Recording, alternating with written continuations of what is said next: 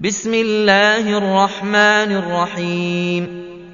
إذا زلزلت الأرض زلزالها وأخرجت الأرض أثقالها وقال الإنسان ما لها. يومئذ تحدث أخبارها بأن ربك أوحى لها.